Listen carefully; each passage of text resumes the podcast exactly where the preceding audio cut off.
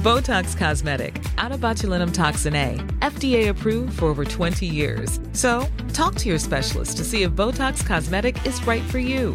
For full prescribing information, including boxed warning, visit BotoxCosmetic.com or call 877-351-0300. Remember to ask for Botox Cosmetic by name. To see for yourself and learn more, visit BotoxCosmetic.com. That's BotoxCosmetic.com.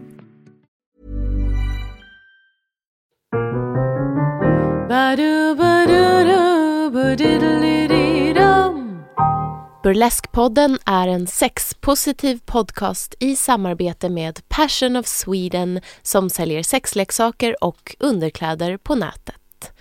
Passion of Sweden kan sexleksaker och Burleskpodden älskar deras produkter. Ni hittar dem på passionofsweden.se.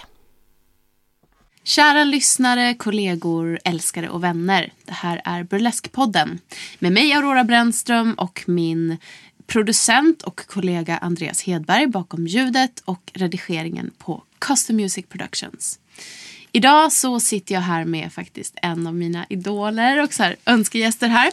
Det är Elegy Ellen som är artist.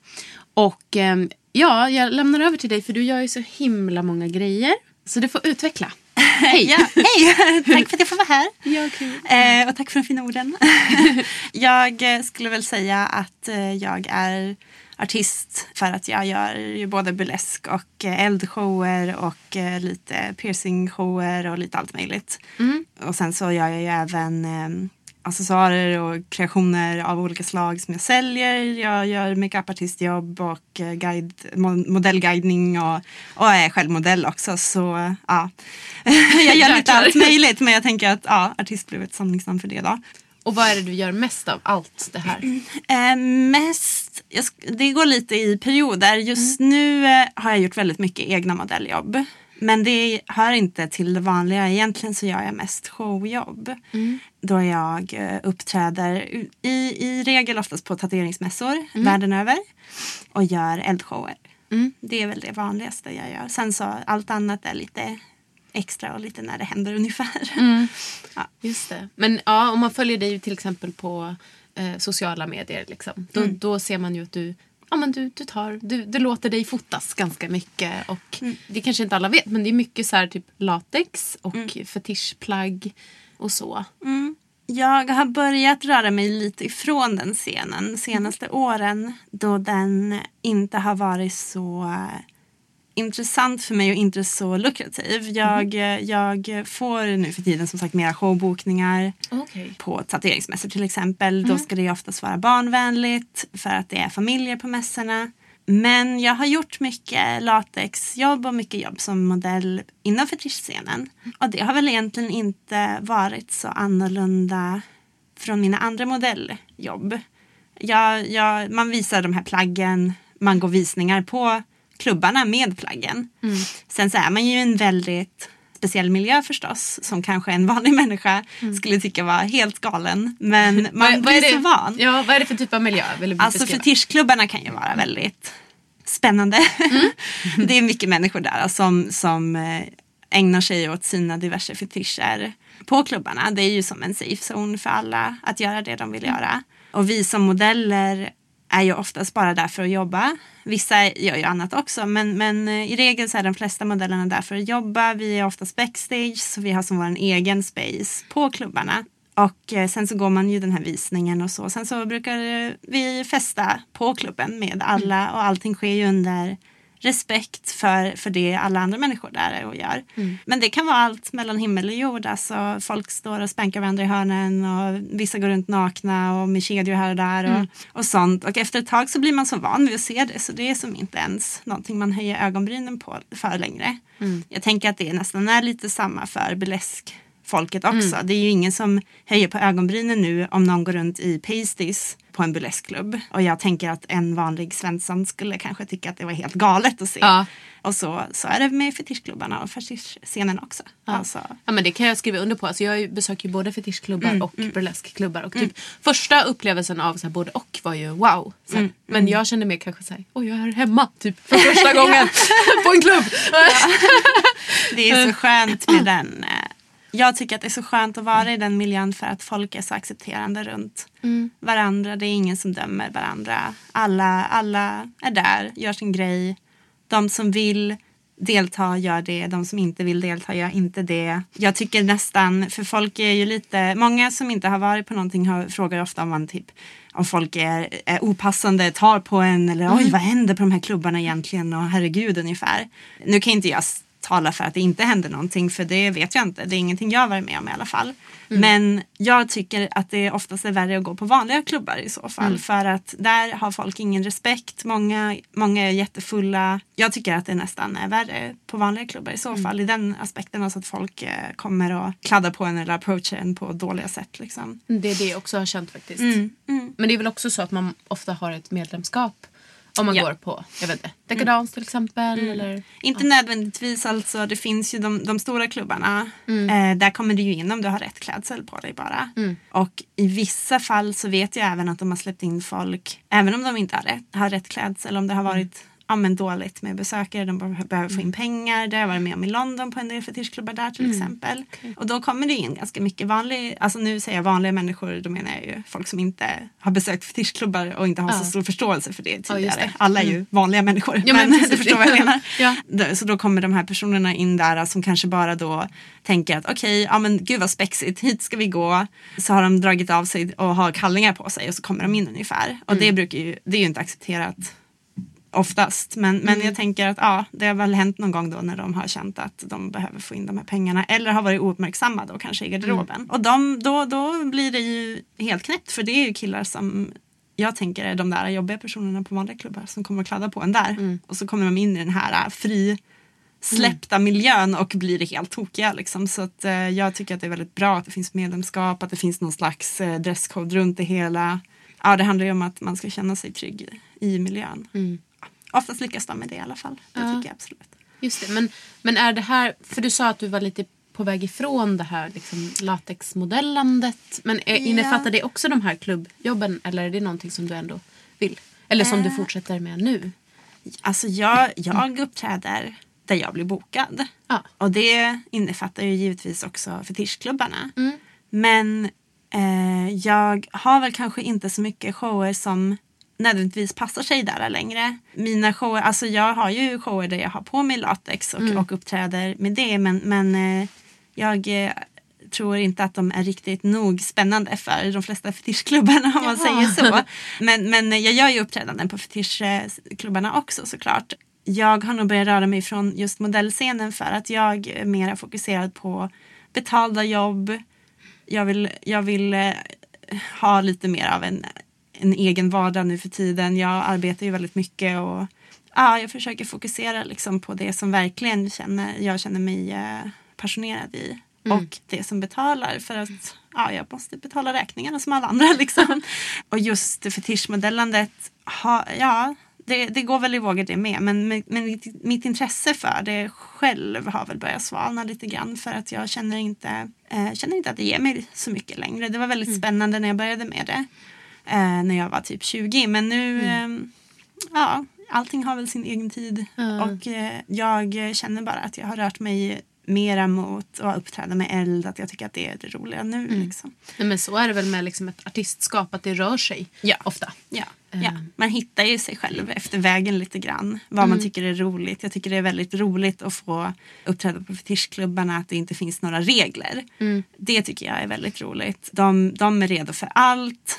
Man kan uttrycka sig hur man vill. Men sen så kommer man väl till en punkt där man känner att nu har jag verkligen tagit i med tårna och gjort det galnaste jag kan tänka mig att göra. Och de tycker fortfarande kanske inte att det är galet nog. Och då känner jag att nej, då var inte det här min scen kanske Ja. ändå. Då. Men det går i vågor, vi får se. Om eh, fem år så kanske jag står där igen och bara kör. jag vet inte. Ja, nej, men vi, vi ska väl kanske inte fastna där. Om, om, för jag, jag hör att du kanske också vill prata om andra saker. Men jag tänker att det kanske är intressant ändå att så här, nämna det i den här podden. Alltså kring den här scenen. Att, ja, jag vet inte om du håller med mig. Men att så här, typ fetisch som också hänger ihop med BDSM-kulturen är ju som en subkultur som liksom typ gaykulturen har varit eh, sjukdomsförklarad till exempel. Och att det är så här, folk som har den läggningen behöver den här fria spacen. Liksom. Och det är det som gör det unikt. Det, det, ja men precis, alltså jag har ju inte varit engagerad så pass länge att jag kan uh, uttala mig jättemycket om allting, vad, som, vad de har fått gå igenom i scenen och så. Mm. Men uh, det finns definitivt en uh, känsla av att det ska vara skyddat, att det, en, det ska vara en safe zone. Och det har ju också varit lite av en issue vet jag inom scenen just med modeller som kommer att de anser att, att de här tjejerna vill bara visa upp sig och vara snygga i latex, de har mm. ingenting med scenen att göra. Uh, det finns mycket, ja det, det, det finns uh, lite olika läger in, även inom fetischscenen mm. men jag har väl i alla fall alltid varit av den åsikten att om jag och mina andra modellvänner kommer dit och vill visa upp oss i latex och gå en visning och ha roligt och festa och alla är öppensinnade och glada så ska man väl bara välkomna det för vem vill inte se snygga tjejer i latex? Mm. tänker jag. vem vill inte? och sen så, ja. Äh, ja. men absolut, alltså det är ju en speciell scen att mm. vara inom och i och med att jag själv inte har varit särskilt engagerad i, i eh, klubbarna på det sättet. Jag har ju mm. ja, men nästan alltid bara varit där för att jobba eller mm. festa. Så har jag väl inte heller jag känner inte att jag kan ta på mig att, att tala så mycket för Nej. den scenen för mm. jag är inte nog engagerad själv i den mm. utan det känns som att någon annan kan ja. uttala sig bättre om allt det. är jag som har ett större intresse av det. Ja, ja men precis. Ja. Alltså, jag känner som inte att jag är rätt person att tala. Alltså, jag vill mm. inte vara någon slags talesperson för det för jag mm. känner inte att jag har någon rätt att vara det. För att jag har inte genomlidit allt det här som, mm. som äh, människor som går till de här klubbarna för andra anledningar än jag gör. Alltså, som, som mm. de får stå ut med. Liksom. Eh, givetvis får jag också stå ut med fördomar och, och eh, motstridigheter runt att jag är modell och mm. visar latex. Men, men jag tänker att det inte riktigt alls är samma, samma grej. Nej, Nej. jag förstår. Mm. Men om vi fokuserar lite på det som du rör dig mot då. Mm. Då pratar du om eldshower, mm. du på mm. tatueringsmässor. Ja. Hur, hur ser det ut då? Det, den delen av ditt artisteri. Ja, alltså okay, jag började ju som modell Eh, det är nog över tio år sedan nu ungefär. Ja, 2007 tror jag jag började som modell. Och genom modellscenen så upptäckte jag burlesken mm. och började med burlesk och försökte att göra vad jag skulle kalla då klassiska burleskshower efter, mm. efter konstens alla regler ungefär. Men jag kände ganska fort att det inte riktigt var min grej ändå för mm. jag är inte så duktig på att dansa, jag är väldigt dålig på koreografi, jag kunde inte hålla masken en sekund. Jag kommer ihåg den första showen vi skulle göra så skulle vi se så sensuella och förföriska ut, jag och mm. min vän då som uppträdde tillsammans. Och jag kunde inte sluta garva. Alltså jag typ satt bara och log hela tiden. Jag tyckte att det var så roligt att vara på scenen. Så ja, jag upptäckte väl mig själv mer och mer genom det. Mm. Och började utforma någon slags vision av vad jag tycker är roligt att göra på en scen. Och i och med att jag var latexmodell redan så fick jag mycket hjälp genom det till att göra outfits till mina shower som funkade. Mm. Till exempel så fick jag en, ett latexbi, jag har en latexkanin och eh, ja, lite allt möjligt. Och, och i och med att jag hade den tillgången till de kläderna så blev det som att jag gjorde de här fetischshowerna i kombination med burleskshowerna för mm. att det, det, bara blev så. Det var så det utvecklades för mig. Jag tyckte det var väldigt roligt och det kändes inte som att det var så jättemycket latex i burleskscenen eh, när jag började med det. Nu säger inte jag att jag på något sätt har uppfunnit det men, men eh, det kändes som att det ändå var lite nytt och roligt och spännande. Liksom. Och sen eh, kände jag väl att det var det jag tillförde då men efter ett tag så det finns så sjukt duktiga burleskartister, alltså helt fantastiskt duktiga och jag kände inte att jag kunde mäta mig med dem riktigt på det sättet. Jag har ju varit väldigt fokuserad på modellandet hela tiden också, mm.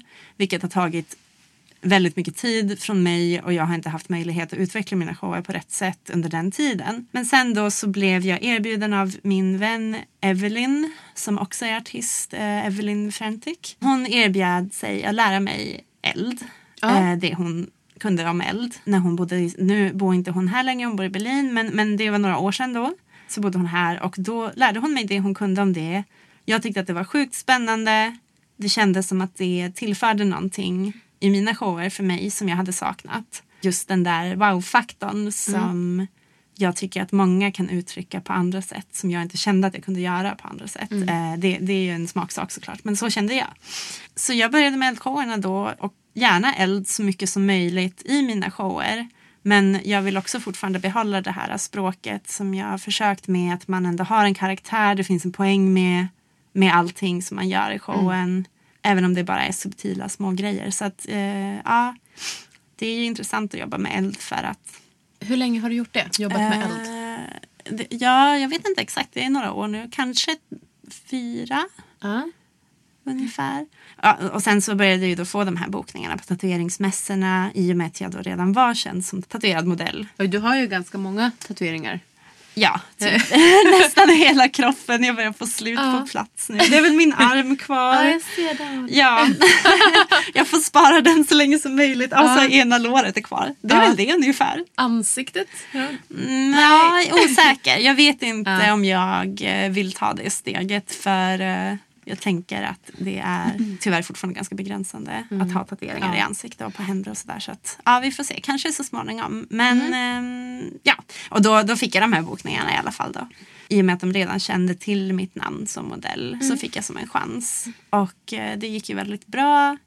Och jag fick mer och mer bokningar på tatueringsmässorna. Och tatueringsmässorna har ju oftast en stor lokal som är anpassad för eld.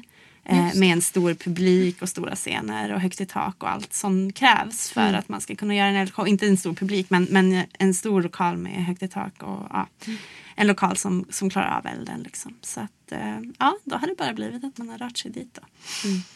Just det. Ja. Ja, jag tycker det är, det är spännande. Så här, själv, om jag skulle tänka mig att hålla på med eld, jag skulle ju vara livrädd. Tog det Ja. lång tid? Eller du kanske inte kände så? Nej, alltså faktiskt inte. Nej. Jag vet inte varför jag inte var rädd. Eh, Jag hade ju aldrig gjort det förut. Jag visste inte riktigt vad jag hade att vänta mig när vi skulle göra det då första gången jag och Evelyn. Mm. Eh, Men hon sa själv också att gud vad fort du lär dig och, och ja, då går vi vidare till nästa sak ungefär. Ja. Så den rädslan fanns inte där. Sen vet inte jag om det är dumhet eller mod men eh, det är säkert bra liksom. det är väl en kombination av att man så här, har en tendens att bara, nej men det här går bra. Ja. Med eh, att man verkligen, för jag är en sån person som, som vill göra Mm. allt och om någonting skrämmer mig det minsta då gör jag det istället för Ja. att vara rädd för det. Så eh, ja. Ja, men det intrycket har jag också fått av dig. Ja, nej, men det, jag tänker att Mm. livet är lite för kort. Jag vill inte gå runt och vara nervös och rädd runt saker. Om man vill göra någonting, då Mm. gör man det. Liksom. Så tänker jag. Sen så får man väl eh, vara redo för att det finns konsekvenser också såklart. Man kan ju göra sig väldigt illa. Mm. Och det är ju därför man ska ha någon som vet vad de gör, som lär en Mm. vad man gör. Ja, min ja, tanke var väl kanske mer så att om man håller på med eld då kanske man är typ utbildad cirkusartist eller så här man har jonglerat eller är det någonting som du är bra på? Nej, alltså absolut. Det finns ju olika vägar att gå till allting. Mm.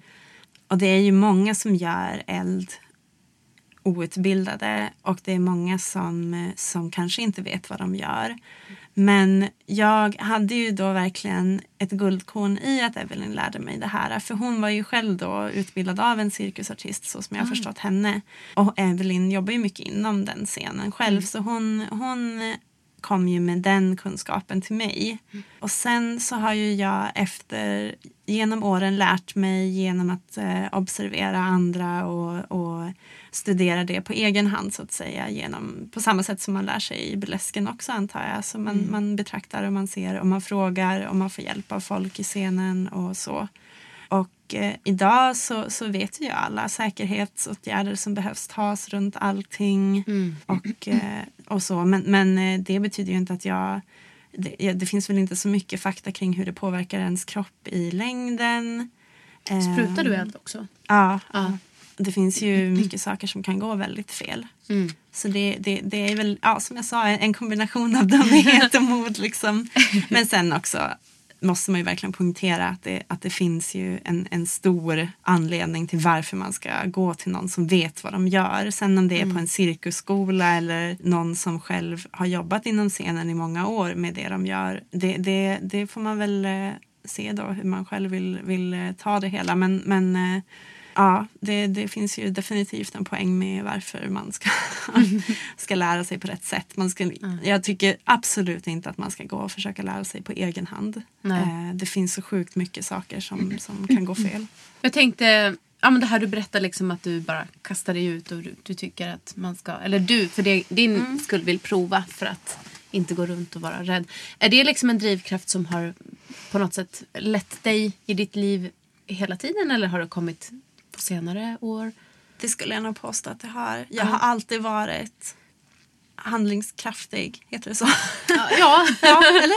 Ja, jag har alltid gjort det jag vill göra. Jag har alltid varit väldigt spontan. Jag har alltid lyssnat till mitt hjärta. Eh, Jag flyttade hemifrån dagen efter studenten. Jag flyttade till Stockholm på egen hand utan jobb och någonting direkt för att jag ville göra det jag ville göra. Och det är väl alltså samma sak där, det är en blandning av dumhet och mod som leder mig i livet. När jag säger dumhet så menar jag väl att man kanske inte tänker för mycket på saker och ting för att om du överanalyserar situationer hela tiden så kommer du alltid fram till att det inte är värt risken. Om du istället provar och vågar så eh, ja, då, då får du ett lite mer spännande liv tycker jag. Och eh, det, det är väl det som har hjälpt mig i, i allt att, och att jag har blivit framgångsrik inom scenerna som jag jobbar inom för att istället för att sitta full med tvivel på mig själv och min förmåga som vi alla tenderar att göra såklart. Och det är inte så att jag tycker att jag är någon fantastisk artist eller fantastisk modell. Vissa dagar fattar jag inte ens vad jag håller på med som alla andra gör. Men jag har liksom valt att inte lyssna på den rösten utan jag tänker istället att ah, nej, men jag kör väl bara. Och så får de som vill anställa mig eller jobba med mig eller se på mig göra det då. Och det har ju funkat bra. Alltså, ja, man får helt enkelt bara sälja in sig själv och se vad som händer ungefär. Många gånger så i början så hade jag ju inte ens någon aning om vad jag skulle göra på de här scenerna som jag blev bokad för att göra. Jag hade bara sålt in mig själv och sen kom jag dit och gjorde Wow. någonting. Men eh, Vilken bra attityd, tänker jag spontant. Jag, jag vet inte riktigt. Det är väl den där drivkraften som jag poängterar om och om igen till folk som skriver till mig och frågar hur man blir framgångsrik inom diverse scener. Nu började jag för tio år sedan och scenerna såg väldigt annorlunda ut då. Då fanns det inte Instagram och Facebook Nej. och det fanns inte en miljard olika modeller och alltså det fanns ju fortfarande en stor scen men inte alls så som den är idag. Så jag kan inte svara för hur det är att ta sig fram i scenen idag eh, i och med att jag redan hade gjort mig ett namn för länge sedan. Då. Men det krävs en drivkraft. Och det krävs att man vågar sätta sig själv i situationer som kan eh, resultera i att man blir nekad eller bortvald eller, eller någonting. Så är det med, med både modellandet och, och showerna. Och Det låter som att du har en ganska så här god självkänsla från grunden. Kan du skriva under på det? Eh, Jag skulle nog säga att jag eh, har valt att inte lyssna så mycket till vad andra tycker och tänker. Jag blev mobbad när jag var, ung i skolan. Jag vet hur jobbigt det kan vara och hur svårt det är att se sig själv. Att inte lyssna på alla dessa röster som säger att man är dålig, att man inte kan, att man är ful, att man inte ska och så vidare. Men Vilket är otroligt konstigt för mig att höra att du har fått utstå. Jag tror att vi alla har vår historia bakom oss. Eh, Det är väl en del av livet. Att man går igenom svårigheter. Och det var väldigt svårt. Och det har tagit väldigt länge för mig att komma över allt. Men istället för att låta det typ äta upp mig och göra mig osäker och svag på något sätt så, så har jag med hjälp av fantastiska människor som jag haft i mitt liv hela tiden klarat att, att bara försöka och tänka att de människorna tycker det. Jag väljer att lyssna på de här andra människorna som tycker att jag är bra. Jag tycker inte att jag är fantastisk på något sätt men Botox Cosmetic, out of botulinum toxin A, FDA approved for over 20 years. So, talk to your specialist to see if Botox Cosmetic is right for you. For full prescribing information, including boxed warning, visit BotoxCosmetic.com or call 877-351-0300. Remember to ask for Botox Cosmetic by name. To see for yourself and learn more, visit BotoxCosmetic.com. That's BotoxCosmetic.com. Join us today during the Jeep Celebration event. Right now, get 20% below MSRP for an average of 15178 under MSRP on the purchase of a 2023 Jeep Grand Cherokee Overland 4xE or Summit 4xE. Not compatible with lease offers or with any other consumer incentive offers. 15,178 average based on 20% below average MSRP from all 2023 Grand Cherokee Overland 4xE and Summit 4xE models in dealer stock. Residency restrictions apply. Take retail delivery from dealer stock by 4 1. Jeep is a registered trademark. Jag eh, får ju dessa bokningar. Jag gör det här så länge folk vill ha mig. Jag tycker, och så länge jag tycker att det är roligt. Och om de nu bokar mig så får jag väl bara lita på att de tycker att det är bra. Och resten får väl bara, ja, det får väl bara komma som det kommer. Så länge man, eh, man, alltså du har ju egentligen bara grunden dig själv så jag tänker att man måste faktiskt försöka tycka om sig själv även om det är svårt ibland för oss alla. Men det är inte så att jag har någon slags fantastisk självkänsla. Vissa dagar som sagt fattar jag inte ens vad jag håller på med.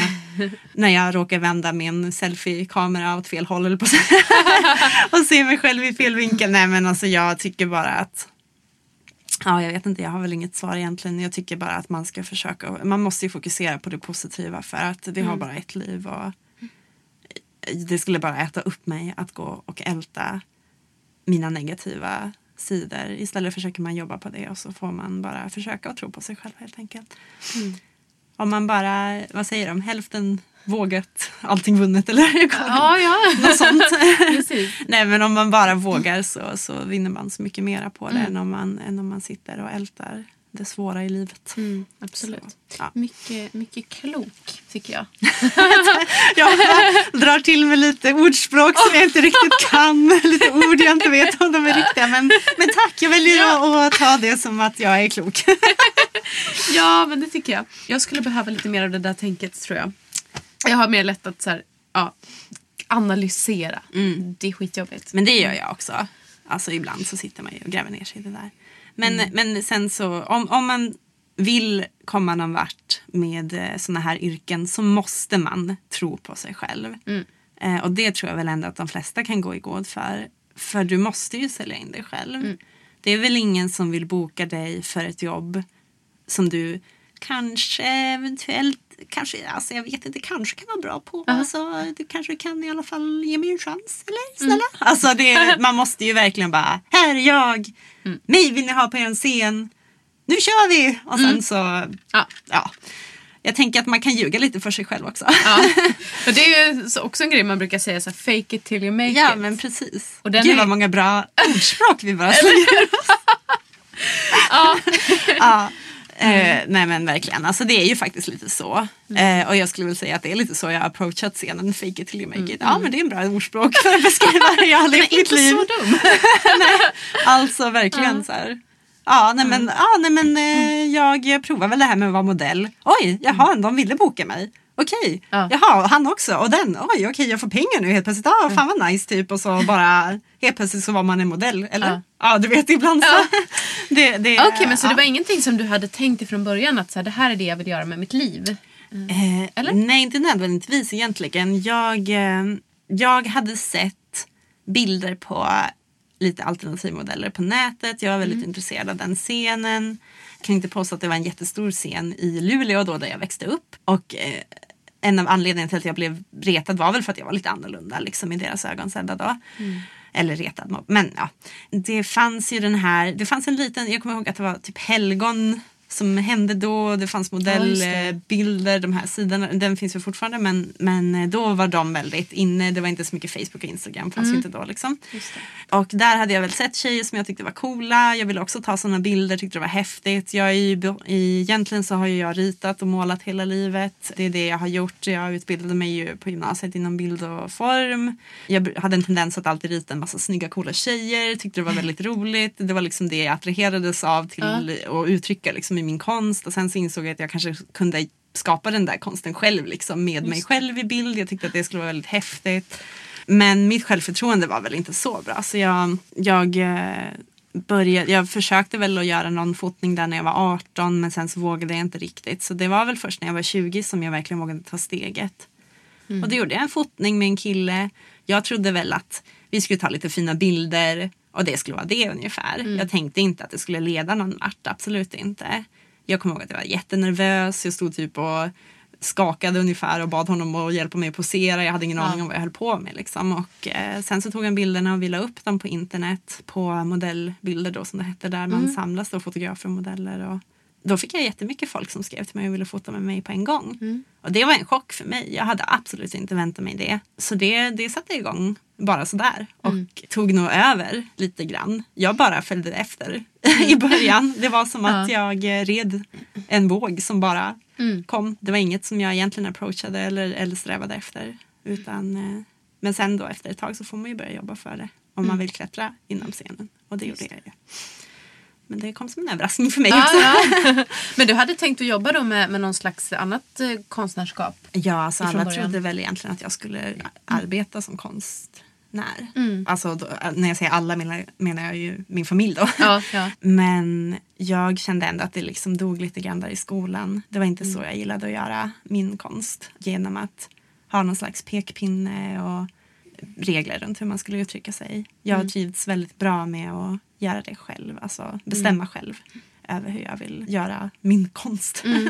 Om man nu får kalla det sig konst. Ja, men, ja, Okej, jag- så du upplevde liksom att, att konstnärsvärlden när man pratar bild och form var mer Mm. Det inrutad? var så, ja men det fanns Ja. som en, det finns ju ändå, jag tänker om man arbetar som inom någon form av konst, kanske då som, ja men till exempel som tatuerare eller eh, vad som helst som inte bara är så här, jag säljer alla mina fantastiska tavlor för jag är en fantastisk konstnär. Alltså, jag tänker att det är väldigt svårt att försörja sig så. Nu är ju inte det här heller lätt. Men, men eh, jag ville inte jobba med någonting där någon eh, kunde ta någon slags order av mig där jag skulle producera någonting när jag inte hade lust att producera det. Jag, jag kände ändå att jag verkligen behöver kunna känna att jag Ja, idag vill jag måla en häst eller nu vill inte jag måla på två veckor. Alltså, Ja. jag, kunde, jag kunde inte föreställa mig ett jobb där jag behövde göra saker varje dag som inte, inte gick i linje med vad jag själv var kreativt sugen Mm. på just. Men känner du att du, för du berättar ju också att du gör eh, olika Ja, accessoarer, eller vad är det du Ehm, tillverkar? Kreationer. Kreationer, ja, det kanske så du sa ja. Ja, Ja. jag vet inte riktigt vad man ska säga. Men huvudbonader och accessoarer och eh, diverse saker och ting. Helt utan någon som, får, som helst kunskap inom sömnad eller någonting sånt. Jag bara, bara gör någonting, skapar liksom efter eget eh, sinne och vad jag har fått hjälp med av andra såklart. Men det har ju varit ett väldigt roligt uttryck för mig. För jag gillar att producera någonting som kommer att användas till någonting. Så det är en huvudbonad som man kan använda i en show och liknande. Det, det tycker jag har varit väldigt roligt. Och eh, nu lyckas jag även sälja dem till andra artister och det tycker jag är superkul. Att andra verkligen tycker att det är fint också. Och det, ja, så det blev som en annan typ av konstuttryck antar jag väl att man kan säga. Känns det som att du Skapa- fick lite revansch eller så för, för det där? Den skapar lustan. Ja, alltså vad ska man säga? Jag, det, jag tycker att eh, det var väldigt roligt. Det kändes ju verkligen som att man fick komma tillbaka med att skapa någonting med sina händer. Som inte var mig själv. I någon, alltså, det var inte så att jag arbetade med mig själv som redskap. Utan det var verkligen det, det, det känns ju lite som att gå tillbaka till den där eh, grundtanken i skolan med konsten. Att man skapar någonting för skapandets skull. Men eh, det är ju fortfarande med, jag, jag gillar att skapa till ett syfte. Så att, så att det, det, det, ja, jag vet inte. Men det, det har varit roligt men det går också i vågor och kräver mycket tid och engagemang och material framför annat. Och Ja, jag är lite trött på att vara en skrotnisse och ha typ lådor efter lådor med bara pryttlar som Ja. man tänker att det här ska jag använda till någonting någon gång. Men det tror jag är så här, the life of a burlesque artist. Det är ju det. Ha det. Herregud. Alltså, jag, ibland så får man nästan förvarna folk innan de ska komma hem till en. Ja, bara så att du vet så är det ju glitter överallt. Eh, och när du går hemifrån mig så kommer du att hitta glitter någonstans. Ja. Och eh, om du tar med dig din hund så kommer den att ha glitter överallt. Och, eh, eh, ja, typ ja det här är mina glittriga djävulshorn Ja. och det här är min glittriga den här saken. Och alltså jag, om jag Mm. aldrig Alltså kristaller och, och limhuvudvärk och jag tror Ja. alla kan relatera till det. Och det är ju också så att burleskartister, det är dyrt med alla dessa kläder och kreationer Mm. och ibland så har man en vision som kanske inte riktigt går att köpa eh, och man kanske inte har råd att, att ha hjälp av någon som, som skapar det till en själv. Så då, då, de flesta gör nog mycket själva. Mm. Eh, Ja, det verkar så. Ja. De, de jag har pratat med hittills Ja. har ju Alla- det är så himla kul. Alltså att den kreativiteten finns där. Ja, det är ju en enorm kreativitet som, som flödar inom så här burleskscenen. med Ja men verkligen. Alla är ju konstnärer av olika slag. Men ändå samlade då inom det här gemensamma. Att alla trivs inom burleskscenen. Liksom. Men, men eh, nästan alla skapar ju själva. Och, och eh, det, det är så himla roligt hur mycket som samlas. Hur mycket kreativitet och, eh, och kunskap. Alltså folk har så mycket skills. Det finns liksom fantastiska dansare och sen finns det de som är fantastiska på att bara uttrycka känslor på scenen och de som är fantastiska på att göra helt otroliga kreationer. Alltså det är allting. Det finns så mycket konst i det. Och det, det är det jag försöker förklara också för folk som inte är så engagerade i scenen. Att det är en konst snarare än någonting annat. Ja, nej men precis. Och det, det tänker jag är viktigt att lyfta fram. Och apropå det, för vi är ju ändå en, en sexpodd. podd. Jag har, jag har eh, sagt att den är explicit, jag har skrivit in det på Podbean. Eh, och eh, jag tänker så här att ehm, och det får du liksom dementera eller, eller eh, vad säger man, bekräfta. Att när man tittar på bilder på dig och man går in på sociala medier så är ju du en, en ytterst sexuell, visuell person. Jag tycker i alla fall att det är det man ser i ditt konstnärskap. Hur, hur ser du på det själv? Liksom? Sensualitet och sexualitet. Jag tycker inte att det är en stor sak med en naken kropp. Jag tycker inte att det är en stor sak att prata om eller visa upp sexualitet. Jag tycker att det är väldigt skönt. Jag tycker det är viktigt att tjejer får göra det. Jag tycker det är viktigt att vi får vara de vi är. Sen om man är sexuell frigiven vill visa upp det, då ska man få göra det. Om man inte alls vill prata om sånt eller visa sånt så ska man få göra det. Vi ska ha rätt att göra vad vi vill med våra kroppar och det tycker jag är en stående och i allt det här med burlesken också, med all shower. Vi har ju rätt att göra vad vi vill med oss själva. Och jag Eh, som modell tycker jag att det är väldigt befriande att göra. Nu anser inte jag själv då, men det, det beror ju på vem som kollar såklart och efter ens eget tycke. Men jag anser inte själv att jag gör någonting som är väldigt sexuellt i... eh, Jag har ändå satt eh, gränser och linjer efter vad jag vill uttrycka. Jag vill att det ska finnas en poäng med nakenhet när jag modellar. Jag gör väldigt eh, sällan och eh, ja, inte på flera år nu känner jag ändå nakenfotningar som inte på något sätt vinner någonting på att det är naket. Till exempel då fine art nude-plåtningar ute i en vacker natur tycker jag verkligen vinner på att det är en naken kropp i en vacker miljö för att kläder kan ofta vara distraherande och ta bort ifrån det jag anser alltså, att man vill uttrycka med bilden. Det konstnärliga, liksom, det här råa i naturen med, med en, en vacker kropp. Oavsett om det är en kvinna eller en man eller vad. Så det är bara så jag har sett det. Jag är inte så brydd i nakenhet. Jag tror väl också att man blir ganska avdramatiserad runt det med Ja. åren när man jobbat med det man gör så, så länge. Man har varit i den miljön så länge. I min värld så, så är det liksom ingen big deal. Och jag har, jag har ganska tydliga och klara gränser med vad jag vill göra med mitt modellande. Och som sagt, jag vill att det ska finnas en poäng bakom nakenheten. Och samma med latexen också såklart. Men eh, latex kan ju vara väldigt påklätt och väldigt avklätt och väldigt sexigt även när det är fullt påklätt liksom. Och eh,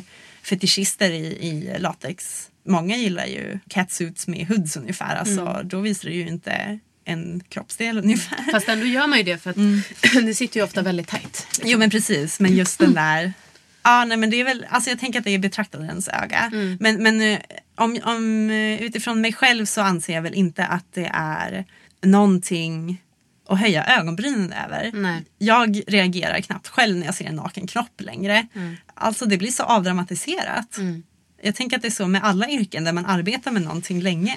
Alltså jag kan inte tänka mig att en gynekolog till exempel höjer på ögonbrynen över att se ett kön. Liksom. Alltså jag tänker att det är samma sak för mig. Liksom. Jag ser ju nakna brudar som springer runt backstage hela tiden. Jag tror att jag har sett alla mina kompisar nakna. Ja.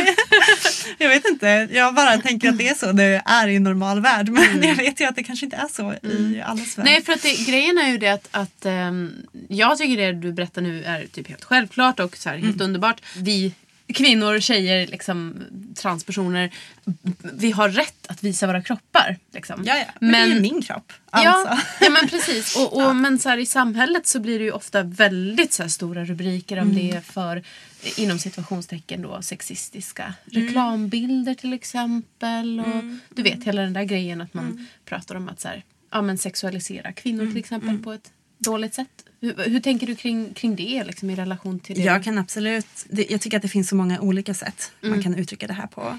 Jag har ju min egen kontroll över min egen bild som jag lägger ut själv. Och där väljer ju jag att lägga ut det jag gör. För att det är det jag vill visa omvärlden och eh, styr den bilden själv. Jag anser inte att jag på något sätt lägger ut, eh, gör mig själv till någon slags offer. Jag är en, en stark, vettig tjej. Jag vet vad jag pysslar med liksom. Sen så anser jag absolut att det finns en vriden bild i media och det är ju, det är ju fortfarande så att, att vi sexualiseras och det är inte rätt. Jag tycker att det är två skilda saker. Det, jag, det jag arbetar med, det jag gör handlar bara om, om mig själv, min frigörelse, min egen rätt till min egen kropp. Sen om jag då till exempel är med i ett tv-program där de vinklar det hela på ett sånt sätt. Alltså, jag var ju med i någonting där de då i slut, i, vi hade liksom en bra intervju, allting var väldigt trevligt, vi var bra representerade tyckte jag, fram till att de i slutet då fokuserar på mina bröst i typ fyra minuter när jag uppträder och har zoomat in och det är bara det de visar. Och då kände jag att men herregud, nu har ni ju verkligen bara förstört hela poängen med allting. Och då blir det ju fel när det är så någon slags chockfaktor i att de ska visa ett par nakna bröst. Då utnyttjar ju de min nakenhet till, till någonting som jag inte ville vara med om. Liksom. Det, men det, det är en, jag förstår att det är en snårig eh, skog att förstå sig på när man inte själv är engagerad i eh, scenen. Man förstår kanske inte riktigt vad det handlar om. Folk kanske tycker att vi gör någonting galet för kvinnor, kvinnor och feminismen genom att visa upp oss på en scen. Men det enda man kan säga egentligen eh, tycker väl jag är att jag mår bra, jag gör det här för att jag vill göra det här. Det finns ingen som skulle kunna övertala mig till att göra någonting jag inte vill. Jag kanske inte står 100% bakom saker jag gjorde för tio år sedan, men vem gör det? Alltså, vi växer ju upp, vi, vi lär oss själva att ta oss igenom allting. Ja, men hur ska man veta Ehm. sina gränser om man inte får töja Nej, lite på dem? Eller så? man, man provar sig fram. Jag upplever det som en positiv sak att vi har rätt och kan göra det. Jag upplever absolut att det finns eh, ett, en problematik fortfarande i att det finns mycket män inom, speciellt inom modellscenen. Väldigt mycket män inom fetischscenen då som kanske jag inte anser alltid sköter sig, saker och ting rätt. Det finns mycket unga tjejer som kan bli eh, porträtterade fel och utnyttjade på så vis. Men det är så många starka kvinnor inom alla scenerna nu för tiden så jag känner ändå att det finns ett bra nätverk och bra kunskap. Och sociala medier har ju verkligen bidragit till att det finns en eh, stor... Man pratar om allting nu. Det finns en, en klar bild tycker jag mer och mer om hur man ska... Jag håller med. Ja, alltså, det finns verkligen en plattform för folk att uttrycka sig på nu.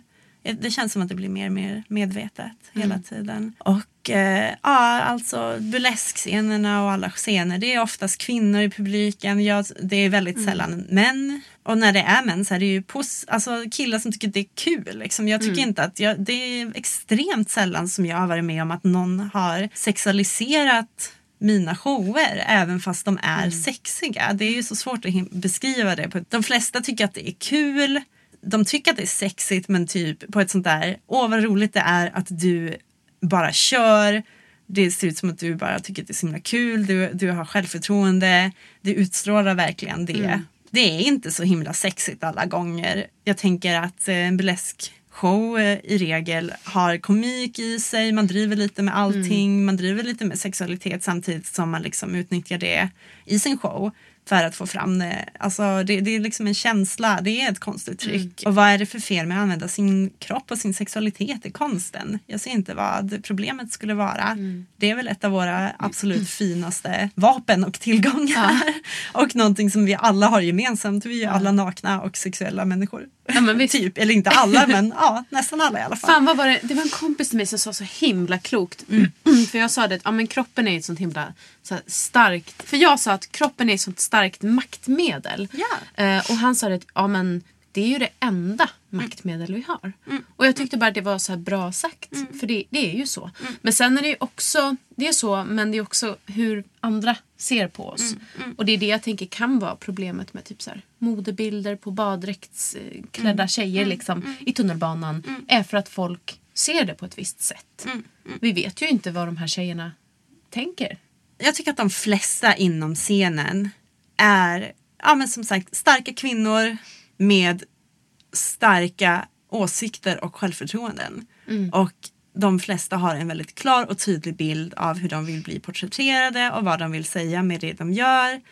Och ingen skulle acceptera den, att, att bidra till det här medvetet. Liksom. Utan jag tycker att alla kämpar emot det och kämpar emot att vi ska få vara kvinnor och vår, oss själva och, och göra det vi vill göra. Liksom. Det har ingenting att göra med att vi försöker att sälja oss själva för någon slags patriarkat. Liksom. Det, eh, och jag kan absolut reagera på reklam och jag kan absolut reagera på, på eh, hur media presenterar saker och ting. Och det gör vi allihopa. Och jag tycker att det finns en jättestor debatt inom scenen runt det också. Och det är absolut inte så att vi går runt som vimsiga brudar och viker ut oss själva för att eh, behaga män eller tro att det är så vi ska ta oss fram i livet. Utan det här är ju ett val som alla har gjort för att det är så här vi vill uttrycka oss och uttrycka oss. Och det finns en... Eh, jag ser det som att jag tar tillbaks rätten över min egen kropp.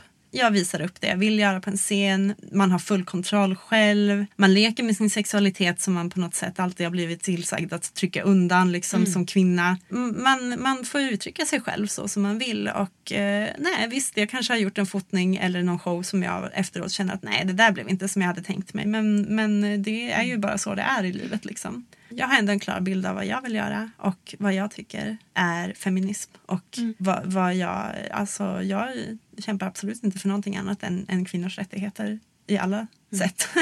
och, vi, så, och jag tycker att vi har, har en rättighet att göra det här. Precis som vi har rätt att göra vad, vad vi vill ungefär. Inom gränser såklart. Men eh, ja. nej jag vet det finns en stor problematik runt allting. Men jag tycker att det är så bra att det finns en debatt runt det nu också. Ja men och där är ju som du säger sociala medier ett bra sätt att också förklara själv vad det är man vill uttrycka. Och, Ja, så jag styr ju min egen bild som jag lägger ut till omvärlden. Och det tycker jag är så himla bra att man kan göra nu. Och vi kan nå ut till så många. För jag, har, jag skulle säga att, att eh, 75 procent av de som följer mig är kvinnor. På sociala medier så kan ju jag faktiskt se vad det är för folk som följer mig. Och det är mycket tjejer, mycket kvinnor, mycket unga tjejer också. Jag har alltid gjort en poäng av att prata med alla om eh, kroppspositivitet. Att man, ja, alltså jag har ändå försökt att föra någon slags debatt. Inget politiskt utan mera ett, ut, ur ett, ja, ett självförtroende. Liksom det perspektivet. Och jag har inte så mycket män som attackerar mig på mina sociala medier längre på något sätt. Och inte så mycket kvinnor heller. Utan det, det känns som att det förs en ganska positiv bild runt allting nu för mig. Och jag är definitivt redo att ta den debatten ifall den kommer. Och jag har varit med om det. Jag hade en period då, då det var många som, när jag började få många följare på Facebook så var det som att det blev uppmärksammat av många. Många började attackera min kropp.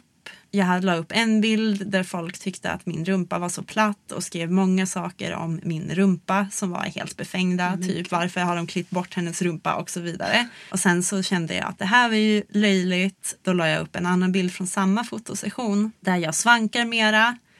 Och då ser min rumpa större ut uppenbarligen. Det är bara så det funkar. Och då fick jag en massa kommentarer om hur snygg rumpa jag hade. Och då kände jag bara att det är ju så löjligt hur sociala... Alltså, det finns så många tangenttroll nu för tiden. Ehm, Det är så lätt också för folk fattar nog inte riktigt. Eller folk men det är ju lätt att, att glömma bort att man pratar med en riktig Ja, ja de, det, det, de kan inte relatera till det. Och då förde vi i alla fall en debatt och jag pratade med många av de här personerna. De flesta är ju bara ute efter att provocera men jag fick faktiskt respons från några personer som bad om ursäkt och eh, sa att de inte tänkt på det på det sättet och så vidare. Så att, ja, jag tycker bara att det är positivt att det finns, att det pratas om det. Jag tycker inte att det är något fel att det finns folk som ifrågasätter saker och ting heller. Jag tycker att det är bra att det finns en debatt om allt, rent allmänt bara. Liksom. Men det är ju tufft av dig att våga ta den. För jag tänker att det, det är ju också faktiskt tyvärr ganska vanligt att så här, offentliga kvinnor som, som gör statements för sig själv eller som lägger ut bilder på sig själv får mycket. Alltså hatbrev eller liksom sådana där kommentarer. Absolut. Det finns ju en rädsla över det här också. Jag tror att, jag vet inte varför, det är många kvinnor som attackerar kvinnor. Varje gång någon man, det spelar som ingen roll om det är mitt privatliv eller mitt liv som, som offentlig person, säger någonting som jag anser opassande eller sexuellt eller alltså opassande sexuellt eller, eller på något sätt liksom mm. gör någonting som jag känner att nej, då, då säger jag det till dem. Mm. Att eh, ja, nej men så här pratar inte du till mig. Du, det, det här och det här och det här är liksom mm. inte det jag är du snabb med att gå? För jag tänker att det, det kanske är en, ett, ett sätt att hantera det. Att vara ganska snabb på. Mm. Eller? Jag är bara trött på det. Ja. Jag, är, jag är 30 år gammal nu, gammal gammal tant. Nej du, jag är äldre än dig. Nej men jag, jag tänker bara så här att jag är inte den här 20-åriga tjejen som kommer in i, i den här äh, galna världen och, och inte riktigt uh, vet vad som händer åt håll, mm. ena och andra hållet utan jag har varit med så pass länge nu. Jag bara säger som det är till folk och så får de ta det som de vill. Så jag är absolut inte rädd att ha någon slags äh, debatt eller fight runt saker och ting. Jag la ju ut en, en eh, post på min privata Facebook äh, ganska nyligen och frågade hur fasen folk lyckas ha minikjolar på sig. För jag klarar inte det för de bara åker upp och jag var så frustrerad för jag har typ tio stycken som jag inte kan använda. Jag, och jag bara så här. Jag skrev ju ett inlägg riktat till mina tjejkompisar mm. och lite bara för att det var lite komiskt. Mm. Eh, det fanns väl ingen större poäng bakom det. Jag bara frågade hur tusan lyckas folk ha minikjolar på sig? Jag kan inte förstå det här plagget. Alltså mm. det åker ju upp i naven på mig. Varpå jag fick jättemånga kommentarer från kille, alltså bekanta män typ som var lite så här, åh vad sexigt. Och jag bara, men herregud du har ju helt missat poängen med det här. Mm. Kan du sluta skriva kommentarer? Ja. Jag bryr mig inte ett skit i om du tycker att det är sexigt. Jag ville bara veta, brukar du ha minikjol på dig? Då kan du ge mig en åsikt. Resten kan du bara vara tyst med. Ja. Eh, så jag säger ifrån. Och eh, jag tror att den här rädslan över att vi skulle vara någon slags offer, den är ju väldigt ogrund. Alltså det finns mm. ju ingen grund för det. Vi är, jag har inte träffat någon tjej som är en offer i mm. någon slags offerroll i, i burleskscenen. Alla är starka kvinnor. Mm. Jag skulle påstå att de flesta är extremt starka kvinnor och att alla är, är feminister och, och, och mm. Strävar efter eh, samma mål. Sen så önskar jag väl att de här radikala feministerna som anser att det här är, är någon slags offergrej, alltså att de kanske skulle besöka en burleskklubb. Besöka en burleskklubb, prata lite mera med burleskartisterna, kanske se, alltså de flesta när de har sett en show fattar ju vad det handlar om. Liksom. Mm. De ser ju att det här är inte ett offer som står på en scen det här är en, en tjej eller en man eller en, vad, det, vad det nu än må vara som mm. uttrycker någonting häftigt och konstnärligt och har en tanke bakom det här och bara är så här så himla bekväm med sin nakenhet och sexualitet. Alltså det, mm. och man behöver inte ens vara naken. Alltså, jag tror bara inte att de förstår vad det handlar om. Det är någon slags rädsla över att, att vi eh, inte förstår vad vi gör. Men det är inte så det är. Det är de som inte förstår vad vi gör. Mm. vi är fullt medvetna. Ja, ja. ja. Det har varit jätteroligt att ha dig här. Ja, det var jätteroligt att vara här. ja, och vart kan man hitta dig då om man är intresserad mer? Eh, ja, man kan ju hitta mig på Facebook om man söker på LGLM model eller på Instagram under samma då, eller GLM och Twitter och Youtube och vad man nu än vill. Så mm. jag, alla, mitt alias är ju alltid LGLM då vart jag än befinner mig ja. på sociala medier och samma gäller då för Instagram är LGLM och jag skulle påstå att min Instagram är där jag har mest kontakt med mm. folk. Det är där jag, jag för konversationer med folk där i, i min, om mm. någon vill skriva till mig och prata med mig så kan man göra det där. Och samma till min mail då, eh, lglm.hotmail.com. Mm. Och för de som blir rädda över hur man stavar det så kommer det väl att stå någonstans kanske. det tror jag säkert. Men, eh, det går säkert att googla och så står det menade du LGLM? ja, LG alltså ja. elegi. Mm.